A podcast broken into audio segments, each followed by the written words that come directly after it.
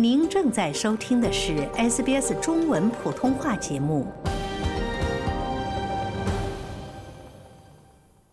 一项新的分析显示，居住在城郊和乡村地区的澳大利亚人是政府重新调整的第三阶段税收减免政策的主要受益者。智库澳大利亚研究所 The Australia Institute 这一报告从选区层面以及各州及领地的层面分析了该政策的影响。报告发现，受益最大的将是位于主要城市郊区以及乡村地区的选民。这并不令人意外，因为这些改革将税收减免的重点转向了中低收入者。报告指出，这是因为这些选区有更多的中低收入者，他们从最初的第三阶段减税中受益最少，而将从修改后的第三阶段减税中获得更多的收益。阿德莱德市外围的 Spence 选区纳税人将获得最大的税收减免。与原版第三阶段减税相比，新的计划将使选民的收入增加486澳元。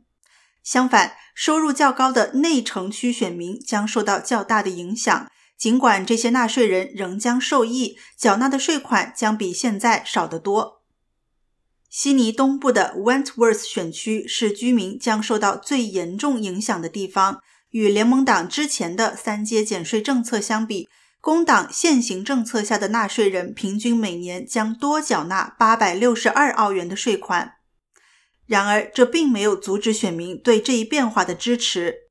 当地议员斯彭德2月6日宣布，鉴于社区的压倒性支持，他将投票支持工党的三阶税改。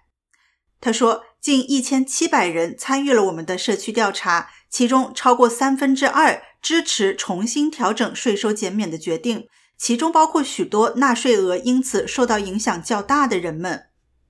根据该报告，在二十个减税效果较差的议席当中，有七个由独立议员持有，而总理安东尼·阿尔巴尼斯本人所在的 Grandler 选区也位列其中。分析发现。国家党控制的席位将成为最大的受益者，这些选区的纳税人将比原计划多得三百二十五澳元。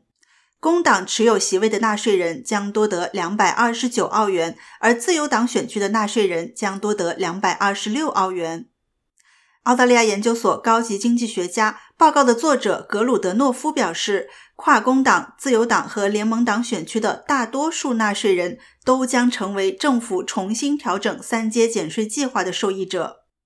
由于调整后减税政策的收益更多的流向了较贫困的农村地区，因此国家党选区的受益最大，未来财政年度将获得4.51亿澳元的收益。